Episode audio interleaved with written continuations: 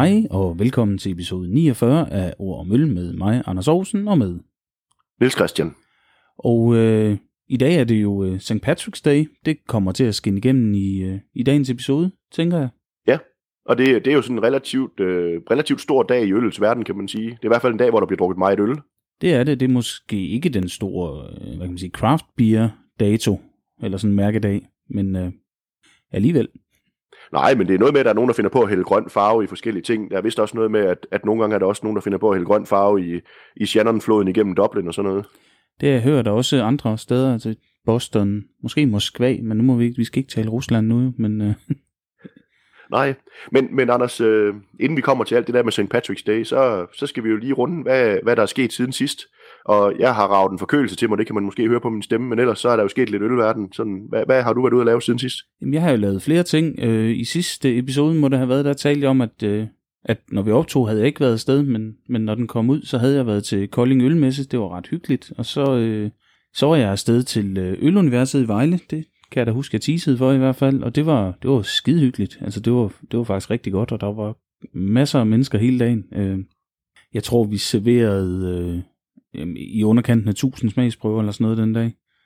Hold da op, øh, det er jo alligevel en del. Søren og jeg med, med Amager Bryghus. Øh, og så var der... Jamen, det var generelt ret hyggeligt. Altså, beershoppen var der, øh, Kvicklig Middelfart, øh, Tisted Bryghus, øh, Brew 42.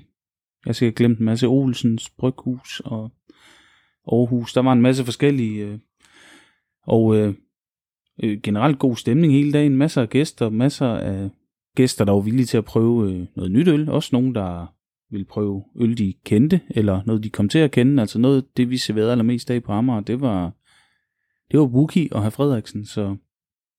Ja, det er også to gode øl, dem har vi jo snakket om flere gange her i, det det. i podcasten. Så, ja. øh, var, var, det primært, var det primært Jyske Bryghus, eller hvordan var det? Ja, det er det jo hovedsageligt til sådan noget, men altså, det, man kan sige, de, de to store ølforretninger, der er med, kommer selvfølgelig vidt omkring i, i udenlandsk øl også. Der var, øh, jamen, der var meget forskelligt udenlands. Der var, og så var der ukrainsk cider fra Berryland, øh, ja. som jo er annonceret til Mikkel og Beer Celebration, men der er noget med de her, at, at de faktisk har mistet deres, deres bygninger. Ja, det er noget med, det er brændt, så vidt jeg har forstået. Ja, desværre, men øh, ja. de laver lidt sådan noget knaldgodt, øh, øh, nogle, altså både mjød og cider. Så, ja, jeg har, jeg har desværre ikke smagt noget af det, men det kan jo være, at det bliver lavet om på det til Mikler. Jeg var lige omkring øh, en, en sådan en bry, eller hvad hedder sådan en tør cider. Øh, men ellers generelt set var vi ikke så meget rundt og smage på andre bryggeriers øh, produkter. Vi havde simpelthen ikke tid. Øh, vi havde kø Nej. foran os fra, vi åbnede til, det var, det var der en event fra 12 til 20, og jeg tror ja. 17, 15, 17, 20, der var det første gang, der ikke sådan var decideret kø foran os. Ja, men jeg synes også, jeg så på, på noget sociale medier, at I faktisk havde besøg af en person, vi jo altid skal have nævnt i den her podcast, og vi lige så godt få ham nævnt med det samme. I havde jo besøg af Ølsjørn Let. Jamen, jamen det er rigtigt, og han, det, det er jo altid hyggeligt. Han havde været til et andet ølarrangement først. Det var han måske præg af. Øh, han var endnu klogere, end han plejer at være. Øh, og øh, jamen, han serverede også pludselig lidt øl, lidt øl på, for Amager. Vi havde Martin fra det i mit lokalområde, Fri Bryg ude i Børkop. Han brygger derude, han, øh, han serverede også lige lidt øl ind imellem. Og, så det var sådan en hyggelig ting, hvor alle lige gav en hånd, når der var brug for det, og sådan noget. Det, så det kan anbefales, det kommer igen til næste år i hvert fald. Ja, jamen det lyder også som et godt arrangement. Jeg synes også, det jeg har set, at det har det været positivt omtalt. Og øh, det var i nye lokaliteter i år, så der var ikke alle mulige forskellige plan, man var på, og alle bryggere skulle ind og ud med, med deres ting af den samme elevator, og det fungerede ret godt. Og så har jeg jo lavet en ting mere, den synes jeg også lige er værd at nævne. Øh, I torsdags, øh, ja, det er jo en uge siden, når det er kommet ud, havde vi besøg af Henrik Papsø i Dansk Ølentusiaster i Fredericia. Det, det var jeg selvfølgelig med til. Det, det var også helt sjovt at prøve at være til en Amars mening, hvor jeg var deltager og havde betalt for at være med. Og Men det var et, et, et fint udvalg fra Pilsner til, øh, til Outlaws. Øh, det var jo masser af røverhistorier fra Henrik Papsø, og både om brygger og chefer, og om ølbranchen generelt. Og, altså han kan jo tale længe og meget og, og interessant om øl. Så det var det kan han i den grad. Det var et skide godt arrangement. Ja, og han kan jo virkelig sige meget, altså også fornuftigt om ølbranchen, så, så det, det har da helt sikkert, helt sikkert været spændende. Det er ved at være noget tid siden, jeg har mødt ham til smagning, men øh, må ikke det kommer til at ske igen på et eller andet tidspunkt. Men Anders, øh, jeg har jo også, øh, nu sagde du ølentusiasterne, jeg har også været til smagning med danske ølentusiaster her, øh, øh, hvad hedder det, med den lokale afdeling, med til vores øh, marts måneds smagning, og der var, øh, der var hele 10 øl, vi skulle igennem. Det var fra, fra tre forskellige bryghus, øh, og det var sådan lidt af, af svingende kvalitet, men, men de bedste var klart øh, de sidste, vi, vi lukkede af med, som var fra Ale Farm, blandt andet en, en sort øh, dobbelt IPA, jeg tror den hed Nightweave. Den var faktisk ret lækker. Ja, jamen sort IPA så, er jo ved at komme øh, i den grad frem. Ja, og så, og så bare det her med at få lov til at mødes igen til en smagning. Nu kan man sige, at sidste måneds smagning i, i entusiasterne i Silkeborg, det var jo en online smagning, fordi det var sat op. Så, så det var rart det her med at, at kunne mødes igen. Det har vi ikke gjort siden øh, en gang før jul. Nej, jeg har heller ikke øh, været til ret meget øh, sådan smagning, i hvert fald med ølentusiasterne i, i Fredericia. Det er, jo, det er jo ærgerligt. Det var drønhyggeligt at være afsted. Ja, så, så lad os håbe, øh, at det er noget, vi taler om i datid, det der corona. Det lyder det jo efterhånden til, så, så lad os håbe, at smagningerne i, i fremtiden bliver ved med at være med fysisk fremmøde. Helt afgjort. Altså, online kan bestemt også noget, men... Øh, men... Det kan det. Og, og vi skal jo ikke tale online smagning ned, fordi vi har jo sådan set øh, øh, annonceret, at vi gerne vil holde en online smagning, øh, har inviteret folk til at komme med nogle bud på, hvornår de godt øh, synes, det kunne være, og, og vi arbejder jo lidt på at finde en dato nu, fordi der er flere, der har meldt tilbage, at de egentlig godt vil være med til at have en online smagning med os. Der er nogen, der faktisk, der er nogen, der faktisk lytter til, hvad vi siger om øl. Og det er jo rigtig rart. Altså, jeg, jeg, jeg mødte også til, til de her events derude øh, flere, der lyttede. Øh, også nogle af bryggerierne, og, og altså folk, der, der bare dukkede op. Der var en, og jeg beklager, jeg kan simpelthen ikke huske dit navn. Jeg er frygtelig dårlig til sådan noget. Jeg har lyst til at placere dig som værende fra Færøerne oprindeligt, men boede i Ribe, som var kommet til det der arrangement i Kolding. Og vi havde en alt for kort snak, fordi jeg havde desværre noget at lave henne på standen. Men øh, kom endelig forbi og sige hej. Det så skide spændende ud, det du havde. Han havde været i Belgien, den unge mand, og havde købt øh, et vanvittigt udvalg af, af surt øl. Ja, det kan jo også noget belgisk surt øl. Ej, det må man sige. Der var nogle virkelig, virkelig fede flasker, hvor man godt kunne være, ja, som, som jeg sagde, øh, godt jeg ikke er jaloux, fordi ellers så var jeg... ja, ja, ja. Men, men Anders, øh, jeg, jeg vil sige det sådan, vi, vi finder jo lige en dato, og så smider vi ud øh, på, på vores forskellige platforme, hvad for nogle øl, vi tænker at drikke i den her smagning, og også øh, nogle links til, hvor man kan købe dem hen. Lige præcis. Yes. Godt, men Anders, øh, jeg sidder og bliver helt tør i munden, jeg ved ikke med dig. Jamen, skal vi ikke øh, åbne, og så kan jeg sige noget om, hvad der er, vi åbner bagefter? Jo, lad os gøre det.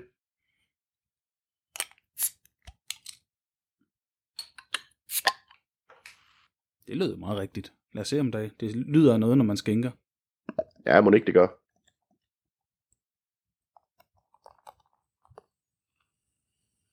Jeg kunne da i hvert fald høre noget her, så nu prøver jeg lige at se, hvad der sker, når jeg hælder.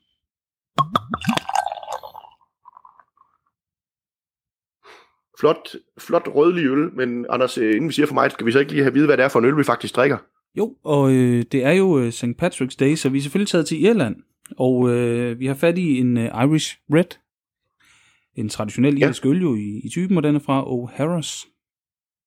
Ja, og, og Irish Red, hvad, hvad er det for noget? Jamen, jeg vil lige vil sige, havde den været øh, tysker, så havde den vel været en, øh, en dobbelt eller dunkelbok. Ej, ikke en dobbelt i hvert fald, fordi det er den slet ikke procenterne til, men, men farvemæssigt og, og også lidt i aromaen, synes jeg. Men det er jo en, øh, en, en rødlig, min har også en, altså sådan en brunlig rød, øh, let procentmæssigt, 4,3 procent ale. Øh, ja, maltborn. Øh, traditionelt, den er vel lidt i familie, kan man sige, med den skotske ale også jo. Altså det, Ja. Giver også mening sådan, Men, i forhold til, hvor vi er henne, og den engelske mild måske ovenikøbet også.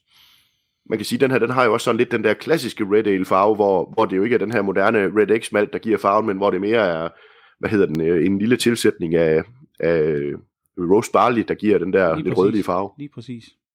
Men, men, så, men, men, øh, men det er en maltborgen ja. øl, men selvfølgelig har den lidt humle også, øh, men det er jo ikke en amerikansk Red Ale eller noget af den stil, altså. Nej, overhovedet ikke. Jeg, men, for, men, jeg, øh, jeg forventer øh, masser af malt her, en lille smule frugtighed måske fra, fra alegær, altså en britisk gær, og så noget, der er relativt let drikkeligt. Det, det tænker jeg faktisk også, og så må jeg bare sige, jeg er vild med den der farve, den der klare sådan øh, brun-røde farve, den er bare flot, når man sådan holder den op i lys, og nu i dag der sidder vi jo faktisk og optager det, øh, det er eftermiddag, så der er stadigvæk sollys udenfor, det gør, at man kan virkelig se den flot farve.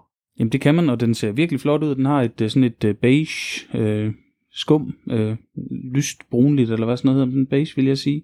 Og grunden, ja. til, og grunden til, at der var så meget skænkelyd for mig, det er, at jeg tænkte, sådan en irsk ale, den kan vel kun skænke sit pintglas, så det gjorde jeg. ja, men, men skal vi så ikke sige, øh, ja, vi, vi vil nødt til at sige slauncher i dag. Slauncher, det tænker jeg, det må være det rigtige så. Slauncher. Slauncher. Ej, jeg skal jo have en mere, det sådan er det jo altid. Jamen altså, det er jo, øh, jeg lige vil sige, det er jo lige som jeg forventede. Det er jo den her øh, maltede, uden at være tung, øh, lidt, øh, ja, der er faktisk en lille smule bitterhed, og jeg tænker mm. faktisk, det er fra, fra den der ristede malt, det er ikke kun fra humlen, at, at den har sådan lidt den der bitre tone, som malten også godt kan give. Det er faktisk meget behageligt det her, man har lyst til at tage en slurk mere.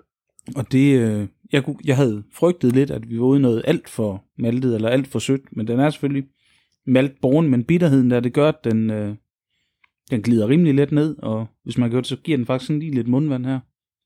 Ja, og det, det er jo det, altså det, det er faktisk det, jeg mener, når jeg siger, at den giver lyst til noget mere, ikke? Og, lige præcis. og så, er det jo, så er det jo rart med en, en øl, som man kan sige, altså i ølverdenen, så vil det her jo være det, der hedder en session øl, ikke på 4,3 procent, at man kan faktisk tillade sig at drikke, man kan godt tillade sig at drikke sådan en halv liter her, og man kan måske også godt drikke to, hvis man vil det. Det er vel, øh, jeg vil sige generelt for, for, for en del af de her britiske ale-typer, de er jo ikke øh, i udgangspunktet vanvittigt stærke. De, det er jo til sådan en drinking session, pen på poppen, ikke? Jo, og så kan man sige, øh, vi skal vel lige berøre så, at nu der er kommet den der nye retningslinje, der hedder 10-4, ikke? Og, og i den sammenhæng, så kan man jo godt tillade sig at tage sådan en red ale som den her. Ja, det skulle jeg mene. Og den... Øh... Ja. Altså, jeg har, jeg har ikke tidligere drukket ret meget øl fra O'Hara's, øh, øh, som vi lige kan berøre. Det er et, i hvert fald hvad jeg lige har været at læse op på, fra 1996, og et familieejet bryggeri, der ligger i et område af Irland, hvor man dyrker faktisk rigtig meget maltbyg. Ja, og så... jeg tænker, det gør man jo også i Danmark, så, så det er vel sådan lidt ligesom i Danmark, ikke? Jo, det tænker jeg, det, men det, de, de udspecific- udspecificerede det på deres hjemmeside. De ligger lige der, hvor det er rigtig godt at ligge i Irland i forhold til malt, og man kunne åbenbart også dyrke lidt humle der, så... Ja. Men, øh, ja, men det, lokale, det, det lokale tilsnit kan vi jo godt lide. Bestemt, det kan vi da sagtens. Det, det gør der noget øh, i, i hele den her storytelling, og Altså, de har været med i, i det, de selv siger, er, er begyndelsen af, af, af craft i, i Irland. For man, altså, det er jo ikke et land, der i mange år, eller ja, det giver sig selv med, med ølrevolutionen, men det er jo ikke sådan, der er kendt for rigtig mange craft-bryggerier. Sådan, altså, de er kendt for at have rigtig meget øl, men... Ja, og nu, der, der, kom, der kom flere nu, jeg kan ikke huske ja, dem alle sammen, ja. men, men altså, skoleeksempel er jo White Hack, ikke? The White Hack, det er jo irsk. Jo, jo, altså, og de findes jo selvfølgelig derude, og, og de betegner også sig selv som craft, men jeg tænker, de, de er et relativt stort craft-bryggeri. Øh. Ja, men, men det er vel også fordi, man kan sige, at der er nogle få i Irland, der virkelig har noget volumen, ikke, som gør, at, øh, at, at det alt, der ikke er stort, vil jo komme til at virke som, ja, som småt. Ja, ja, bestemt. Øh, øh, altså indtil det kan jeg da huske for mange år siden her i, i Fredericia, der kunne vi købe den, der hed Porterhouse, som øh, så vidt jeg husker høre, holder hjemme i Dublin, men det var også det eneste, der sådan ud over de store ja. bryggerier derovre fra, var det der noget i hvert fald til, til Fredericia. De bryggede nogle fine stout, som jeg husker det, men... Øh, ja, jeg har tænkt også, Murphys har jeg også fået. Øh, ja, det er rigtigt. Og er det den, der hedder den Beamish, eller sådan noget, har jeg også fået på et tidspunkt i hvert fald. Murphys har jeg set, har vi haft på fad på sådan et almindeligt brun værtshus i Fredericia i lang tid, men øh, jeg, har ikke ja. været der, jeg, har ikke, jeg har ikke været der siden før corona, så om det stadig findes, det skal jeg ikke kunne sige. Nej, men, øh, men, men det vil sige, der er jo faktisk flere eksempler derude, som man har kunne få ind imellem. Jeg har også øh, prøvet stout fra O'Hara, så det ja. husker jeg også som værende okay. Jamen, de har, øh, den tror jeg også, jeg har fået. Der er en, de har en serie, jeg har købt, øh, det kan jeg jo godt sige, øh, den her øl har jeg købt øh, til os begge to i Løvbjerg i Fredericia. De har en, øh, en efterhånden ret fin ølafdeling, øh, men øh, et øh, faktisk øh, okay udvalg af de her O'Hara's, de har også en serie af, jeg vil sige, deres øh, crafty, eller sådan mere øh, eksperimenterende øl. Der er noget New England IPA og nogle frugt øh, IPAs og sådan noget iblandt også, og, og ja. kom, kommer på dåse. Ja, jamen altså det lyder jo som om, at, at man kan sige, at øh, irerne er måske bare en lille smule bag efter den der craft beer revolution i forhold til os andre. De er måske også bare meget traditionelle i forhold til, at de har øh, verdens mest solgte øl, var jeg lige ved at sige. Nej, det har de måske ikke, men... Nej, det er det vist ikke, men, men til gengæld så er det vist den, der er mest tjekket ind på OnTap, så vidt jeg husker, for jeg ja, tror, du tænker på, på Guinness. Ja, ja, bestemt, og det var, jeg ved godt, det ikke er den mest solgte, det er vel en eller anden pilsner, men, men, men så verdens mest solgte stout gætter jeg på i hvert fald. Ja, det, det tror jeg, der er et færre bud. The Black Stuff. Jeg tror, de kaldte det, da jeg var i Dublin for nogle år siden. Ja, det lyder rimeligt. Det lyder rimeligt. Men, men Anders, øh, skal, vi, øh, skal vi springe til en karakter allerede på den her O'Hara's Red Ale? Jeg, altså, ej, jeg tror lige skal have en sluk mere. Skål. Eller slauncher. Ja, slauncher. Det er jo sådan en dejlig... Øh, sådan, sådan en, det er en dejlig oplevelse at drikke det her øl. Jeg tænker altså også til et... Øh, vi snakker altid om det der med et stykke mad eller sådan. Der tror jeg faktisk også, den vil være rigtig god, den her øl. Det tror jeg bestemt. Den har noget, øh, noget at spille ind med. Den kunne måske også bruges i madlavning, hvis man skulle have ikke en porter eller en stout. Men når ja, kunne give det, den her malt fornemmelse i, i en eller anden ret, der skal stå og simre eller sådan noget, det, det tror jeg faktisk godt, jeg kunne tænke ind på en eller anden måde. Det, det tror jeg faktisk sagtens, den kunne også, fordi der er lidt bitterhed til sådan at, at tilføre noget til retten, når det så er. Men det er jo, ja, hvis vi er ude i karakter, jeg tror ikke, det er en, jeg går ud og køber rigtig meget for at sidde og nyde en øl på den måde. Det, på en pop vil jeg, øh, altså sådan en traditionel pop, vil jeg helt sikkert godt kunne falde i sådan noget her, hvis det ikke var sådan en, et, en craft beer pop, men for netop at have en session, eller sådan noget, sidde øh, og hygge sig med nogle drenge, eller et eller andet. Hvis nu man kom til, til Irland, eller sådan ved jeg, hvor de har sådan noget, så, så vil jeg godt kunne finde på at købe det her, men jeg tænker ikke, det er sådan en, jeg vil slæbe hjem i kassevis og, og have som go-to-øl herhjemme. Nej, det, der, der er jeg ret enig med dig, men, men jeg synes stadigvæk, det er et solidt glas øl, du har fundet til os her, så ja, jeg vil da godt spille ind og sige, at jeg vil godt give den en 3'er på untapped. Jeg er faktisk i samme, øh, samme niveau, det lyder så kedeligt, når vi er der, men øh, jeg, jeg, ja, 3. Jeg tænkte 2,75, 3. Vi, vi er i godt humør i dag, det solen skinner, alt er godt, det er St. Patrick's Day, og ja, lad os give den en 3. Det, det lyder da meget fornuftigt, og jeg kan jo lige spille ind, at, øh, at på OnTap, der har den et gennemsnit på 3,31, og det har den altså med næsten 57.000 check-ins, så det er jo ret fornuftigt. Det må man sige. Øh, så er vi jo endda lidt fedtet der. Ja, men øh, det kan jo godt være, at, øh, at vores øh, smag i forhold til Irish Red Ale, den ikke lige rammer så, ligesom som det brede flertals. Nej, og det, man, altså, den har bitterheden, og jeg er helt sikker på, at noget af det også kommer fra, fra humlen, men som du siger også fra, fra måske en lille smule fra noget ristet malt. Og det, altså det, det vi, vi er egentlig meget til humlet øl, og måske ikke så meget til det meget maltede, og derfor så, så rammer den måske ikke 100% ned lige i vores præferencer. Nej, lige præcis, og, og det der, jeg tænker for mig, der bliver den reddet hjem på det der øh, bitterhed fra malten også, at det også spiller ind på en eller anden måde, og så at karamelsmagen fra malten, den ikke bliver alt for, for dominerende. Og det, det synes jeg er vigtigt, fordi det, kan, det kunne godt blive sådan en, øh, en, ja, som jeg sagde det tidligere, sådan lidt sød og alt, alt, alt for maltet oplevelse. Ja, og det er der i hvert fald ingen grund til, når det er. Men, men Anders, øh, øh, det var jo sådan set en fornuftig, et fornuftigt udlæg. Skal, skal vi prøve at hoppe på nummer to øl, vi skal smage? Jamen, det synes jeg da, vi skal. Øh, og den, øh, ja. den har sådan en ekstra lyd. Ja, det kan vide, hvad det kunne være. Min kan faktisk også sige den. Øh, jeg kan sige, at jeg har købt min i, i den lokale Superbrus. Jeg har været i øh, Lidl. Ja, og der er noget med, at de havde irsk tema i Lidl, er det ikke rigtigt? Det er korrekt. De havde øh, et større udvalg af, af både øh, ja, noget stout, glas, der passede til stouten, chokolade, der passede til stouten, øh, coasters, der passede til barbecue, sauce, ja. alt muligt. Så, så måske mere end det decideret var, var irsk, så var det, de havde noget britisk tema, tror jeg, for der var også noget i, i madsektionen, øh, sådan jeg kan huske fish and chips, eller hvad sådan det var. Der var i hvert fald noget pomfritter og noget værk og nogle forskellige produkter, men... Øh, så det var måske mere ja. britisk, end det var decideret irsk. ja, men, men det vi skal smage på, Anders, det må jeg vel godt sige, inden vi åbner den, det er jo, at de fleste har nok efterhånden regnet det ud, men det, det er jo Guinness uh, Draft Stout, altså den helt klassiske Guinness, og så i det her tilfælde på dåse. Og grunden til, at den siger den der lyd, når du bevæger dåsen, det er jo fordi, der ligger sådan en lille kugle med noget, med noget nitrogen ind i dåsen. Yep, lige præcis. Og hvad, skal vi lige skal vi hælde op, inden vi kommer tilbage til, hvad det er, det gør ved øllet? Ja, skal vi ikke gøre det? Jo, lad os gøre det.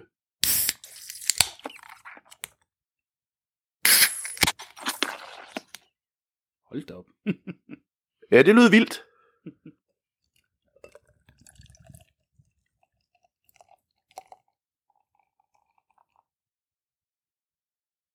Jeg prøver at se, om jeg også kan hælde lidt op. Så yes.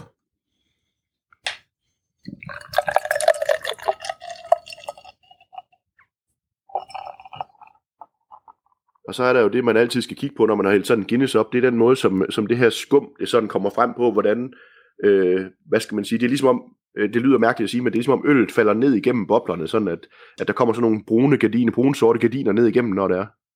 Jamen, det var det, jeg var helt stille. Jeg sad bare og beundrede det her, fordi uanset hvad man måtte mene om en Guinness, det, det, ser altså, det ser simpelthen så lækkert ud, når man har skænket, når det skum, der kommer på toppen, og altså det der er tætte, helt uden bobler, og det, det ser så vildt ud, ja. og den bliver bare ved, altså jeg sidder her og bliver lidt fascineret, fordi den står bare og bliver ved med at, at lave de der øh, øh, gardiner, der bare sådan kører op og ned igennem øllet, når det er. Det, det er meget fascinerende at sidde og kigge på. Det er det, altså. Jamen jeg sidder også helt, altså det, og det ser jo meget godt ud i sådan en Guinness-glas, altså. Jamen det, det ser da faktisk øh, helt perfekt ud.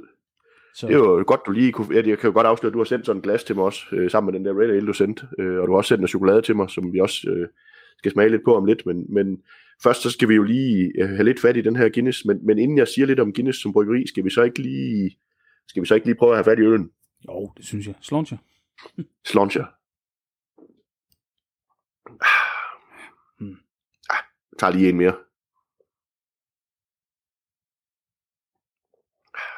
ja, det, det kan jo et eller andet.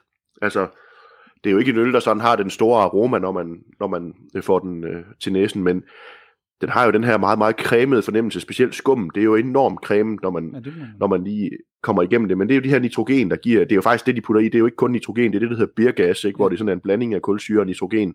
Øh, men det giver de her meget fine bobler i skummen, sådan, så det bliver meget, meget tæt skum, der sådan kan blive stående ned igennem øllen. Og det er jo øh, en, øh, ja, jamen, en, ellers en nærmest næsten flad øh, karboneringsmæssig oplevelse, synes jeg. Ja, og det er det, men, men det er jo sådan en øl her, som man kan sige, det er jo en del af oplevelsen, at den skal være relativt flad. Ja, præcis. Ja, men, men uh, Anders, hvad, hvad oplever du, når du smager på den her øl? Jamen, jeg får, øh, jamen det, jeg synes, den er let i forhold til, at vi har med en stout at gøre, jeg husker, hvad den er, den er 4,1 eller andet. Ja, 4, det er den, den er på 4,2 procent, ja. ja.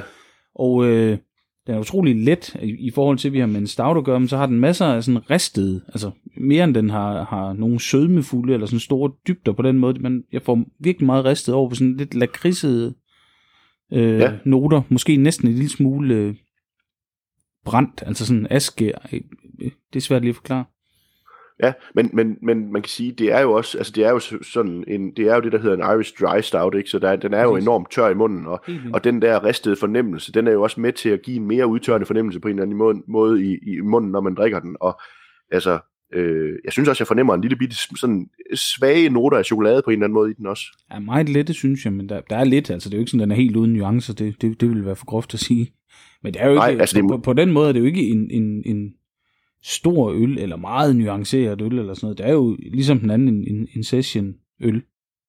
Absolut, og, og, og det der med chokolade, det er nok egentlig mere rigtigt at sige kakao, den der sådan mm. lidt bitre kakaosmag, ikke? Også som, som sådan rigtig kakaopulver, det har, når det er sådan.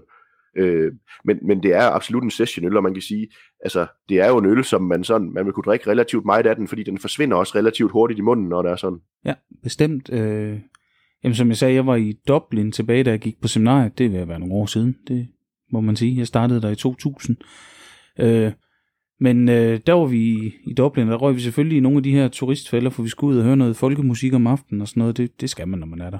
Øh, og inde i det, der hedder ja. Tem- Temple Bar District, der, de, de kostede måske det dobbelte af, hvad de gjorde alle andre steder, de her Guinness, men der var, der, der var der blev omsat for noget hver eneste aften, altså mens der så spillede verdensklasse folkmusikere.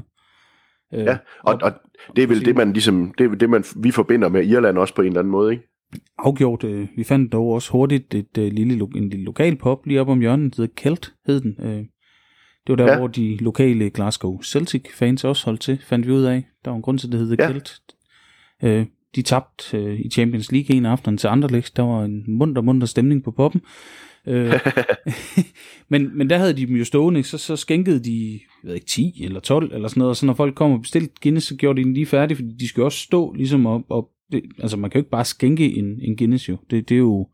det er jo en videnskab for, for bartender og de der, særligt da vi kom ud af turistfælderne, så gik de jo altså noget højt op i det bartenderne, at den skulle skænkes rigtigt, at den skulle hvile, og så skulle den gøres færdig, og der skulle lige være en firkløver i skummet, og Ja, men, og, og det er der jo mange øl, fordi det har Weissbier i Tyskland, det har jo også, det tager jo også, jeg kan ikke huske, at det er 7-8 minutter, det tager at skænke en Weissbier, hvis man skal gøre det rigtigt, fordi den skal også falde ned, og så skal man fylde op igen nogle gange og sådan noget.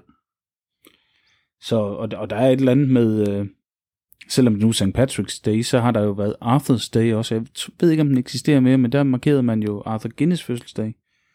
Ja, og, det, og, og, og det er jo lige præcis bryggeriet, Anders øh, ja. Guinness øh, og Arthur Guinness, der grundlagde det i St. James' Gate i, øh, i, i Dublin. Eller det, hed, det hed faktisk St. James' Gate Brewery, da han grundlagde det i 1759.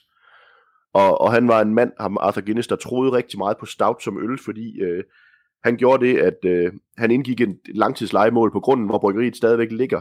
Han indgik faktisk en lejeaftale på ikke mindre end 9.000 år til 45 pund om året, og man kan sige, at i dag er det jo en ret billig leje. Ja, det må man sige. Jeg tror generelt, han var en smart mand. Jeg synes øh, at have læst noget om, at, at, at den ristede malt, i stedet for øh, øh, hårdt ristede, øh, hvad hedder det, Ej, ikke malt, den ristede byg, i stedet for den hårdt ristede malt, jo har været en måde at omgå noget øh, skatter og afgifter på, fordi at der var skat øh, på malt, men ikke på byg. Ja, så, det, så, det lyder rigtigt. Så, og så han, har, han har været en snedig forretningsmand på en eller anden måde.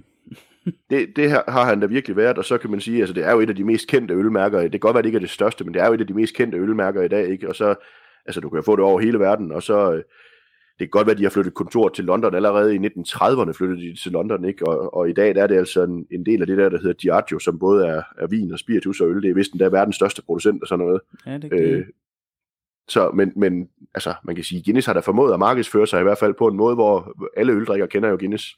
Ja, vi, vi var ikke på bryggeriet øh, som en del af den studietur i engelsk der, men øh, der var to af mine studiekammerater, der tog det ud selv en dag. De, de sagde, at det er jo det er skide spændende at komme på den der bryggerirundtur derude, men det er også bare, altså, de, de ved godt, hvordan de, de lokker folk ind, og hvordan de skal vise det frem, og altså, ja. det, var en, det var en decideret turistoplevelse mere, end det havde noget at gøre med, at man skulle på bryggerirundtur eller noget. Ja, og det siger jo nok lidt om, hvor stort det egentlig er blevet, ikke? Lige præcis. Ja, men, men helt klart en, en ret fornuftig øl, vi har, vi har fat i her. Øh, og altså, øh, igen, så, så er vi jo ikke ude sådan i, i at, altså i vores ølverden er det jo ikke sådan det mest øh, sindsoprivende stout, som, altså, når man er vant til at drikke store fadlagrede stouts og sådan noget, så det her, det er jo sådan en, en, en øh, jeg vil ikke sige, det er en tynd oplevelse, men, men, men det er jo sådan en, en ret let øl. Ja, det må man sige. Det er det, men det, det hænger jo igen sammen med, at du skal kunne tage en hel masse ned på poppen, mens du, mens du sidder og lytter til, til guitar og til en flute. Altså. ja, og, det, og selvfølgelig, og måske endda også skal kunne finde ud af at synge med en gang imellem også. Det, det tror jeg, de sætter pris på. Altså, der var nogle... Øh, i den uge, vi var derovre, altså vi, vi var forbi en, en pop på, øh, på et tidspunkt til frokost, lige at få en Guinness, det skal man jo have. Øh, og der sad nogle øh, musikere og spillede, så kom vi forbi poppen igen øh, ud på aftenen en gang, og der, øh, der spillede de samme mennesker stadigvæk. Ikke på de samme instrumenter, nødvendigvis. De havde sådan byttet lidt plads. Okay. Men øh, stablen af tomme pintglas var relativt stor. Ja, og de spillede alligevel. Ja, ja, de har siddet og spillet der hele dagen. Altså, Hold op, ikke... ja. så, jeg kan så, huske, så, så, så den må ikke blive for stærk, hvis man skal kunne det i hvert fald. Nej, det tænker jeg også. Jeg kan huske lige efter, jeg tror det var lige efter år 2000, der var jeg i, i England, Øh, og der var det meget moderne at servere sådan en, en iced Guinness, altså en meget, meget kold udgave af den, hvor den sådan, øh, der var faktisk næsten helt krystaller i den, når man fik den. Øh, ja, det ved, det ved jeg ikke, altså, om det gjorde så meget specielt for den. Det gjorde nok bare, at den var koldere, når man øh, kom længere ned i den. Jamen det tror jeg, det, altså, det, i Dublin der, der var reelt set, nu nævnte du den selv tidligere, man, de fleste havde Guinness, og så var der nogle få steder, der havde Murphys, ikke? Og ellers så, ja, så havde de, hvad hedder den der pilsner for Guinness, hedder den Harp, eller hvad sådan der den hedder? Ja, det er vist sådan noget, den hedder det, det, altså det var, det var reelt set mulighederne, ikke? Så, så man kunne lige, altså havde de cider. Øh, ja, der var vel også Red Ale, det, jeg husker det ikke så tydeligt, det sådan set, der var lige, men det var nok den for Guinness også. Ja, og ellers er der jo også øh, den, den der Red Ale, som, som Guinness jo også står bag i dag, men den der hedder Kilkenny, ikke? Ja, det var Kilkenny. Jeg tror, den, altså, ja. Guinness, Kilkenny, Harp, og så en cider, ikke? Og det, ja. var, det var nok reelt muligheden, men altså, vi var, unge studerende med ikke alt for mange penge. Det var så fint. Ud og, ud og høre musik, ud og drikke noget Guinness. Øh, og så ellers bare hygge sig. Jamen det er jo sådan, det skal være. Sådan mindes jeg også, det var, da jeg gik på seminariet, når man skulle nogle ting, så var det også en del af det, at man skulle ud og, og hygge sig lidt, når det var, der var tid til det. Og jeg synes helt afgjort, og det har vi jo nævnt før, at øl er en social ting. Det var også det, vi snakkede om i starten, ikke? Altså hvad vi havde lavet siden sidst. Altså være ude i Dublin. Altså jeg synes virkelig, det var en, en, en hyggelig by. Den var ikke alt for stor, og en, en, en altså sådan en god stemning, der var der dengang, og, og en rigtig rar by at være i, og det, kan jeg anbefale i hvert fald. Gå ud og, og høre noget musik, drikke noget øl i, i Dublin. Garanteret, der er kommet noget, nogle flere muligheder for at, at opleve noget craft også. Det, det, det vil jeg tro. Ej, det må der næsten være, når der nu er kommet en del flere øh, craft bryggerier. Jeg kan, med skam, så kan jeg ikke huske dem alle sammen, men der er altså kommet flere end bare The White Hack. Så, ja. men, øh, men Anders, øh, skal vi bevæge os over i en karakter for Guinness allerede? Det kan vi godt. Der, jeg, der, der må jeg sige, at jeg er lidt lavere end jeg er på Harris faktisk. Den var jeg nok mere til sådan i længden. Øh, og det kan jo... Egentlig så havde jeg forestillet mig, at jeg nok ville være mere til Guinnessen, men, men der er løbet så meget stavt igennem, øh, gennem nogen, var jeg lige ved at sige, i årene, at det her, det bliver sådan lidt en, altså, igen, jeg ville til hver en tid tage den, hvis jeg stod på en irsk pop, og, og skulle høre musik, eller bare være ude med nogle gutter, eller et eller andet, så ville jeg tage den igen, men jeg tænker 2,75 tror jeg, jeg havner på. Ja, Jamen, øh, jeg har det på samme måde. Altså, dem, der kender mig, ved jo også, at jeg drikker mange store stouts. Øh, så jeg er heller ikke sådan, jeg er heller ikke blæst bagover, og jeg, jeg vil nok lægge mig lige øh, en lille smule lavere end dig, men, men dog kun på 2,5. Jeg kunne godt finde på at købe den igen. Det ved jeg, jeg kunne. Jeg kunne også godt netop i de omstændigheder, du siger, øh, vælge den. Det er jo, altså, det er jo sådan en situation, hvor jeg, jeg sammenligner den lidt med at være ude og se en fodboldkamp på stadion. Eller sådan noget. Der, der sidder man heller ikke med en Imperial Stout på fad eller sådan noget. Der, der, der er det faktisk tæt på at være okay med sådan en industripilsner, hvis det, hvis det er det. Lige præcis. Ja, og, og det er jo det der med, det er jo lige præcis det der med, hvad er det for nogle steder, man er, altså, og hvad er det, der passer til det, ikke? Og fordi går man til en koncert, jamen får du serveret en, en uh, Royal Pilsner for eksempel, jamen så er det det, du får serveret, og så, så nyder man den sammen med dem, man nu er der med, fordi det netop er en social ting. Lige præcis. Men vi har jo måske nærmest en lille smagning, vi kunne lave mere. Jamen, det, og det har vi, det sad jeg faktisk også lige og tænkte på, fordi du har jo sendt en ekstra lille, en ekstra lille ting med. Ja, øh, det var, jeg fik det vist nævnt, at øh, i Littles øh, udvalg af mange Guinness-produkter, der var alt muligt skilte, dem fik jeg ikke nævnt før, alt muligt andet, så var der en mælkechokolade med, øh, med sådan noget øh, flydende karamel, hedder det vel? Ja. Ja, ja, ja, der står på den, der står der soft, smooth, flavoring caramel flavor, sorry, flowing caramel flavored with Guinness beer and set in a creamy milk chocolate bar, silky smooth. og det, jeg tænker, det kunne være, den gik godt med cho- øh, chokolade og Guinness sammen. Det, det lyder som noget, der vil kunne noget, umiddelbart. Ja. Tænker du, man skal tage en slurk øl, før man tager chokoladen, eller skal man tage et stykke chokolade bare, og så smage på øllen bagefter? Jeg tror bare, jeg smager på chokoladen nu, så kan vi jo prøve at se, hvad... Eller så kan vi gøre hver vores ting. Nej, det ved jeg Ja, men så tager jeg en slurk, mens du smager på chokoladen, så uh, sluncher. Sluncher. Og det, der sker, det er, at Anders han sidder og smager. Jeg kan se ham, øh, selvom vi sidder hver for sig, så kan jeg jo se ham. Han sidder og gumler på chokoladen, og, og ligner en, der virkelig er ved at, at smage sig frem til, hvad der er i det. Så nu prøver jeg at smage på chokoladen. Det er god radio, det her, Anders, når der ikke er nogen, der siger noget. Ja, det, det er altid godt med sådan noget. Øh, men jeg fik faktisk en lille note af, af den der lidt bitterhed, sådan en lille smule øllet. ja. Ikke den kommer ikke så meget, den Nej. kommer ikke så meget hos mig, men det er jo nok, fordi jeg har drukket øllen først. Og, og næsten en, en øh, og det er ikke saltkaramel, men den havde sådan lige noget, der næsten mindede om sådan en lille salt fornemmelse. Øh, det er faktisk meget rart. Ja, den, den kan jeg godt fange. Kunne det være, i virkeligheden være øllen, der giver den den der lidt saltede fornemmelse, det, det der tror, lidt brændte fra øllen? Det tror jeg. Jeg prøver lige at tage en slurk ja. øl. Ja, det vil jeg også gøre. Skål. Mm. Ja, så virker den vandøl, når man lige spiser chokolade. Ja, umiddelbart, men det kan noget sammen alligevel. Det kan det. Det er den der karamel, der på en eller anden måde, øh, den bliver hængende lidt i munden. Det kan noget sammen med det der øh, øh, brændte, og alligevel sådan lidt, lidt, lidt fade i smagen på en eller anden måde fra øllen. Men det er sjovt. Altså, du har ret. Det, det er som om, den tager øh, den lille smule fylde, en Guinness har, og, og, og gør den mindre. ja, det, det er lidt sjovt, ikke? Men, men jeg vil sige, chokoladen i sig selv, øh, den kan de godt være bekendt. Altså, den er på linje med så mange andre karamelchokolader. Nu har jeg jo så kun smagt den, kan man sige, mens, øh, mens jeg lige har smagt på øllen. Men, men den tænker jeg, den kan de godt være bekendt. Og det der med, at den har lidt, lidt kant, det gør ikke mig noget. Jeg er ikke så vild med mælkechokolade, men jeg synes faktisk, det fungerer godt sammen med, med øllen her. Helt afgjort, det synes jeg. Øh, og jeg spiser heller ikke meget mælkechokolade, det, det skal siges, men øh, nu var den derude, at jeg vidste, vi skulle, øh, vi skulle optage den her episode, så, så, så skulle det prøves. Så må man jo. Ja, ja. nu vil jeg prøve at smage chokolade, for nu er gået lidt tid siden, jeg smagte på øllen, så nu prøver jeg lige at tage et stykke mere, for lige at se, hvad der sker.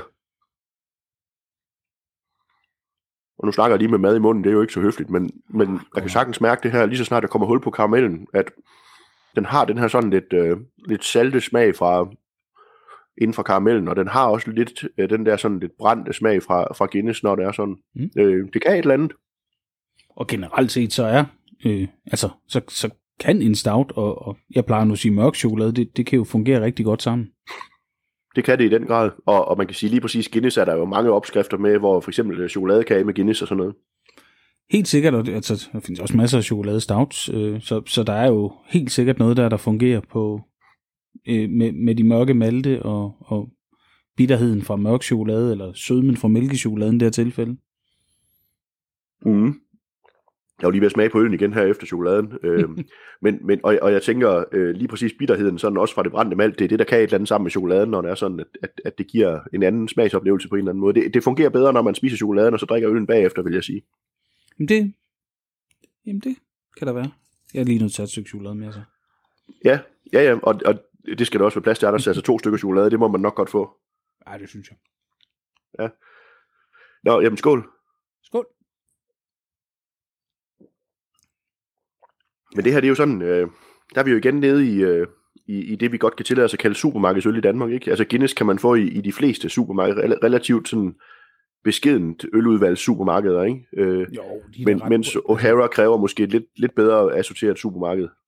Altså vi har haft dem i en af de superbruser, der er her i, i mit lokale område, og men der har jeg ikke set dem længe, men så har vi øh, Løvbjerg, der efterhånden har opbygget et øh, på mange måder interessant øludvalg faktisk. Jeg var, har ikke været der ja. et stykke tid, og så var jeg forbi, og kunne da glæde ja. mig over, at der var hjortbier, og der var øh, øh, alt muligt forskelligt. Øh, de har rigtig meget Brewdog, hvis man må drikke det i disse dage, og en masse forskellige trappister og belgiske øl, og islands, så, og... Så det er nogen, der gør lidt for at, hvad skal man sige, få lidt mere end, end i går, så end bare det danske specialøl. Altså det er nogen, der gør for noget for at, at udvide horisonten hos nogle øldrikkere. Det synes jeg, jeg synes, det er sjovt, at jeg kan finde en som uh, hjort beer i dansk supermarked. Det, det havde jeg da ikke lige troet, jeg skulle. Mm. Altså jeg vil sige, øh, nu, nu lagde du selv et billede på øh, Instagram den anden dag på din øh, Aarhus Øl, øh, hvor du havde været i menu, hvor du havde købt øh, baghaven for eksempel, og var det to øls øh, alkoholfri serie, det der, øh, ja, øh, hvor jeg tænker, der, der er jo nogle supermarkeder, ja, nemlig low motion, der er nogle supermarkeder, der gør noget for, at der kommer noget øl ind, så kan man diskutere prissætningen, at de sætter dem relativt højt, og så sætter de dem på tilbud, men, men altså, der kommer noget spændende øl ind i hvert fald, og, og så kan man jo diskutere, hvor meget de kommer til at få ud af at sætte baghaven i menu, om det virkelig er noget, øh, den almindelige øldrikker, eller, eller dem, der bevæger sig ind i den verden, kommer til at købe til en pris på omkring 1.500 kroner for en flaske. Ja, jeg gav lidt mindre, det du siger, så sætter de den på en, øh, til en intropris, eller hvad de nu kalder det. Eller... Ja. Men, men jeg mødte, jeg var faktisk stadig igen i, i menu i fredags, øh, og så ham, der står for vinafdelingen, som jo så også er deres ølmand, sådan er det jo nogle gange i supermarkedet, han, øh, han så lige, at var der. Han, vi har talt om øl før, så han må have opdaget, at det var mig, der også står bag den der ølblok. Det har jeg nok fortalt ham, vil jeg tro. Det var ligegyldigt. øh, men så havde jeg jo tagget dem, og han, han sagde helt ærligt, han sagde, jeg, jeg ved ikke så meget om det der, men det var godt nok pænt af dig lige at nævne os. Det, det er jeg glad for. Og så siger han, åh jo, jeg havde købt ølene hernede, så det greb jo ikke vidt for mig lige at lave tag, når jeg, når jeg beskrev dem. Og at jeg mm. synes, det var et godt uh, initiativ, ikke? Altså, at der kommer noget spændende øl, og han sagde, jamen han talte rigtig meget med, og jeg har ikke været der selv, men jeg hører rigtig fine ting om, menu i Hjerting over ved Esbjerg, der er begyndt at, at virkelig satse på øllet. Det, det har jeg også hørt, men helt generelt så har vi jo hørt, øh, at, at menukæden kommer til at satse meget mere på, på de her, det vi godt kan tillade os at kalde craft beer ikke, i, i løbet af i år. Altså jo. det har vi jo fra pålidelig kilde hørt, at, at det kommer til at ske. Men, men det der så var i det, han øh, havde arbejdet sammen med ølmanden fra Menu i Hjerting, så det var ham, han, øh, han, han prøvede at lære lidt af ham. Og det, det er jo dejligt, at ja. arbejde sammen på tværs. Han, kendte også til Vika Menu, øh, som han, han kendte selvfølgelig ikke lige, øh, hvad hedder han derovre, Brian, og han havde aldrig været Nej. i det, men han, han kendte til det og sagde, at der sker mange spændende ting rundt omkring i Menu også, som han gerne, ja, vil, lære, som han gerne vil lære af. Og så tænker jeg, at de der vinmænd, altså, de, det er jo ikke fremmed for dem at sætte sådan en, øh, en, en, en sur øl. Altså kan man sige, at baghaven er relativt syrligt normalt, men, men sådan det, den syrlige, det syrlige element, det har man jo også i vinen på en eller anden måde. Ikke? Og, og nogen, altså hvis du kommer over i noget vin, der, der er gæret øh, med, med vildgær eller naturgær, så får du jo også nogle af de her Brettanomyces øh, indslag, som du også har i det sure øl. Ikke? Så, så det er jo ikke fremmed i en vinverden. Nej, bestemt ikke. Det stod også sammen med noget... Jeg ved ikke, hvad det, det var ikke cider, det var ikke vin, det var ikke... Øh jeg ved ikke, hvad det var. Det, baghaven, og så med et produkt, jeg... Jeg fik ikke lige spurgt ham. Det, det var egentlig lidt Nej. interessant. Jeg kan ikke huske, hvad det var nu. Det var noget Nej. gæret eller muserende frugt, et eller andet halløj, hvor der stod baghaven altså sammen med, og så... Og der ja. kan man sige, der er lidt omkring ølafdelingen, så stod de alkoholfri over på en reol, og baghaven over på en, det, der lignede en tilbudsreol, og det var det jo så også. Og, men, ja.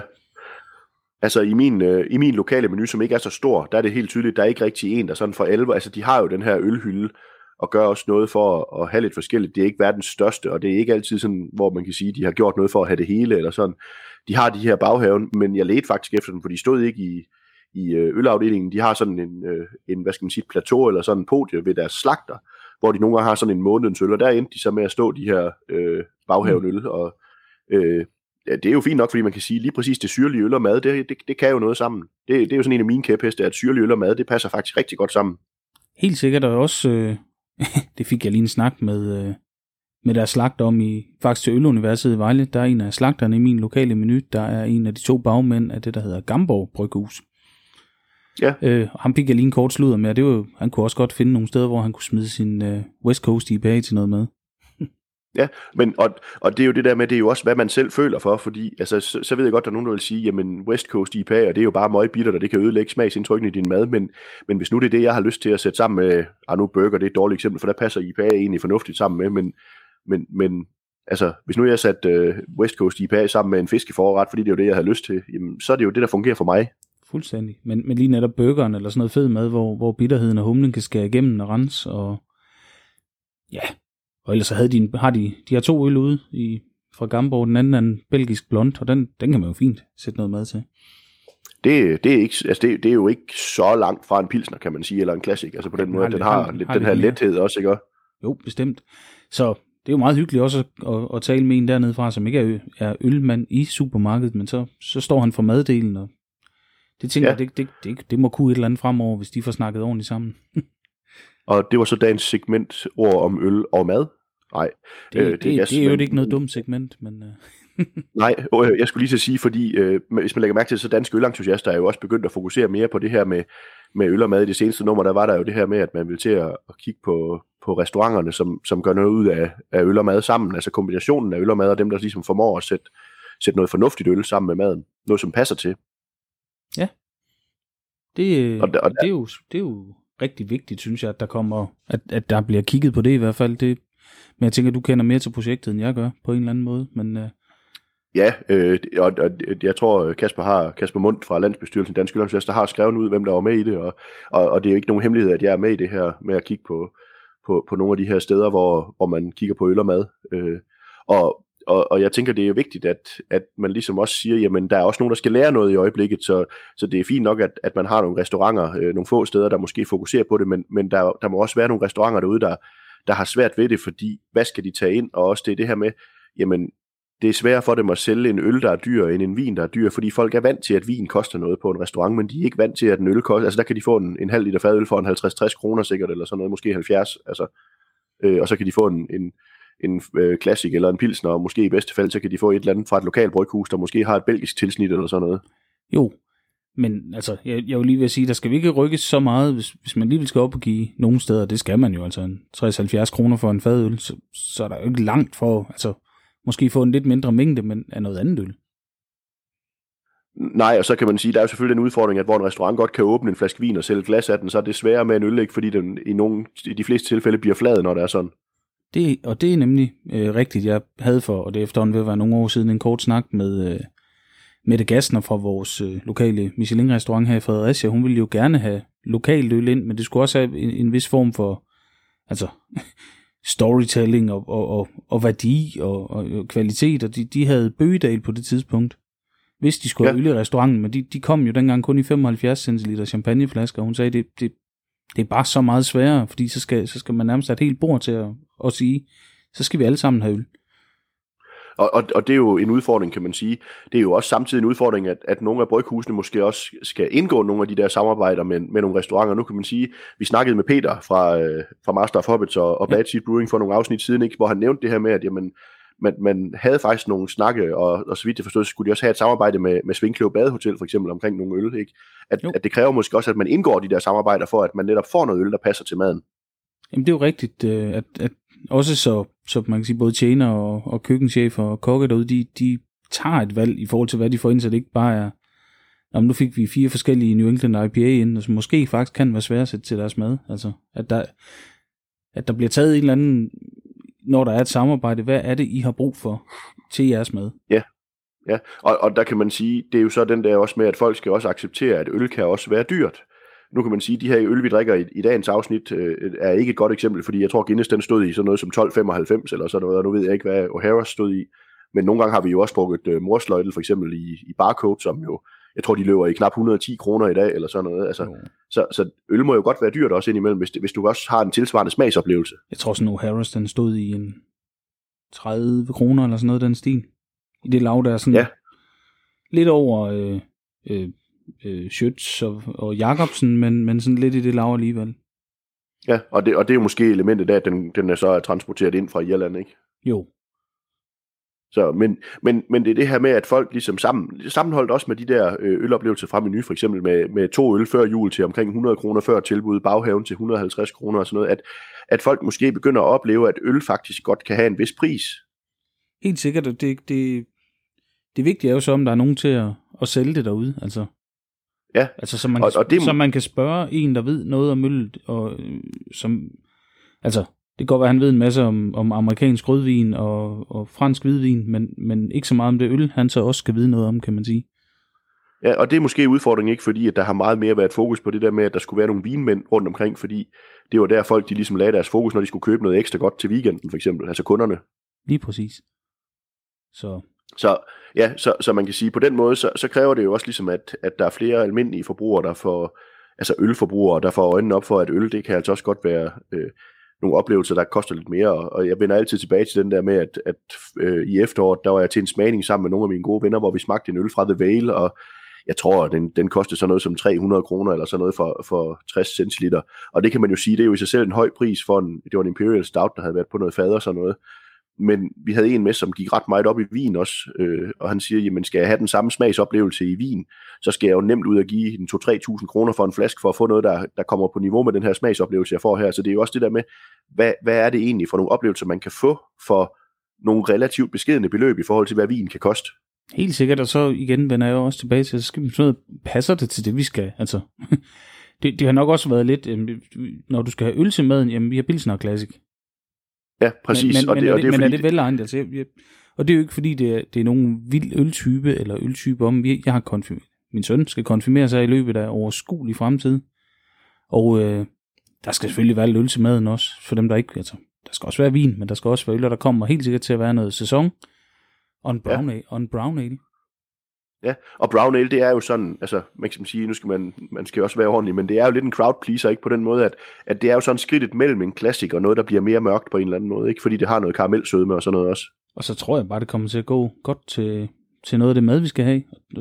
Ja. Og, og det, det er jo valgt derfor, at det selvfølgelig skal være en crowd pleaser til gæsterne, men det, det må også gerne passe til, til det, vi skal spise.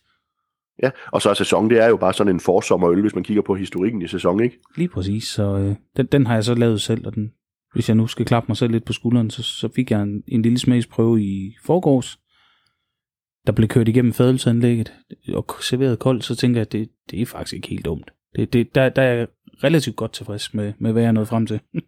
ja, jamen øh, den glæder jeg mig til at smage.